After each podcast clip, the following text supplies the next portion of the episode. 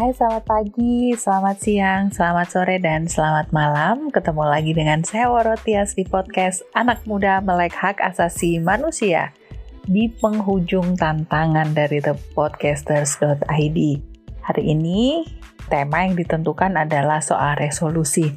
Saya agak membalik sih sebenarnya hari ini karena sudah posting hari ke-31 dengan tema selebrasi dan karena ngobrol dengan banyak orang, orang-orang yang saya wawancara yang sudah banyak bergerak dalam isu hak asasi manusia, saya juga jadi tahu bahwa rasanya resolusi ini pas untuk ditaruh di bagian paling belakang episode 30 hari bersuara ini.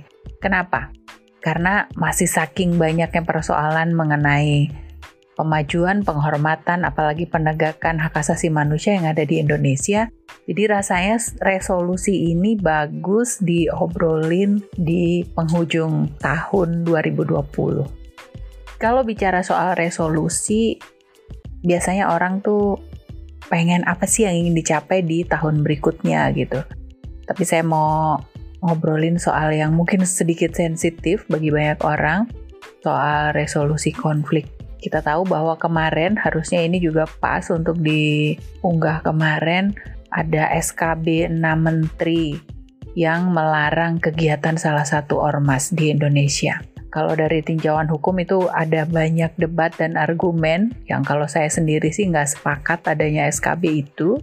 Kenapa? Karena itu sebenarnya mengekang kebebasan berekspresi. Toh ormas itu sebenarnya sudah ormas itu sudah tidak terdaftar lagi di Kementerian Hukum dan HAM sejak beberapa tahun yang lalu atau beberapa bulan yang lalu saya lupa tepatnya. Tapi saya mau bilang bahwa sebenarnya selama ini kan ada konflik antara masyarakat, baik masyarakat dan ormas tersebut. Tetapi ternyata resolusi konflik yang di dibuat oleh pemerintah kita sangat nggak asik dengan menerbitkan 6 SKB 6 menteri dan lembaga itu. Untuk apa? Kenapa kemudian tidak menegakkan hukum sesuai aturan yang sudah ada? Kalau memang ada pengurus ormas, atau kemudian oknum-oknum ormas yang melakukan tindak pidana, ya itu saja yang diproses. Kenapa organisasinya yang dipermasalahkan? Reformasi memperjuangkan sebuah kehidupan demokrasi itu kan diperjuangkan dengan banyak darah dan air mata, banyak nyawa juga harus hilang pada masa itu. Nah, bagi saya harusnya kita tetap ada pada posisi bagaimana memperkuat demokrasi yang sudah lebih dari 20 tahun ini hidup di Indonesia.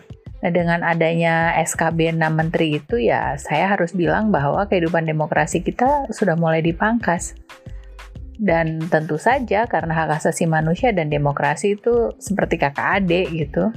Jadi kalau demokrasinya dipangkas, berarti ada hak asasi manusia orang yang kemudian dipangkas juga. Teman-teman, kalau kemudian harus bicara resolusi apa sih di tahun 2021 dalam kehidupan hak asasi manusia di Indonesia, saya sangat berharap semua elemen yang ada di bangsa ini masyarakat, pemerintah, swasta, bisnis, itu ada hadir dan terus berproses untuk melakukan penghormatan pemajuan bagi hak asasi manusia di Indonesia. Akan sangat sulit sih tercapai dalam waktu satu tahun. Misalnya resolusi tahun 2021 adalah penghormatan, pemajuan, dan penegakan hak asasi manusia begini, begini, begini, begitu rasanya agak sulit kalau bicara hak asasi manusia dalam jangka waktu hanya satu tahun.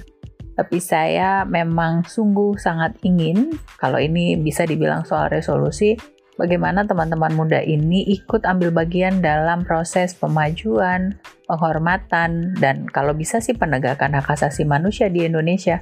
Dengan banyak cara, kemarin waktu ngobrol dengan salah satu komisioner Komnas HAM, Mas Beka sudah bilang bahwa anak muda yang bisa dikontribusikan salah satunya selama-lamanya iman adalah dengan memposting sesuatu yang menjunjung tinggi hak asasi manusia di media sosialnya. Nah, kemudian teman-teman muda juga bisa berkontribusi secara aktif untuk kemudian tidak melakukan sesuatu yang itu melanggar hak asasi manusia tidak melakukan sesuatu yang justru mendegradasi hak asasi manusia. Penghormatan dan pemajuan hak asasi manusia itu bisa kita lakukan dengan cara-cara yang simpel aja sih, nggak usah muluk-muluk. Dan bagi saya, kalau kita sudah tahu bagaimana hak asasi manusia harus berdiri, di situ juga teman-teman muda kemudian pasti akan otomatis bisa melakukan penghormatan dan pemajuan pada hak asasi manusia di Indonesia. Bagaimana kira-kira resolusi ini? Terlalu berat? Ah, enggak. Anak muda itu kan dinamis, cekatan, dan segala macam lah. Jadi kalau anak muda melek hak asasi manusia, pasti akan sangat mungkin bisa melakukan berkontribusi pada pemajuan dan penghormatan hak asasi manusia yang ada di Indonesia. Terima kasih sudah mendengarkan podcast selama 30 hari ini. Sampai ketemu di episode berikutnya dan terus belajar mengenai hak asasi manusia karena anak muda melek HAM siapa takut dan pasti keren.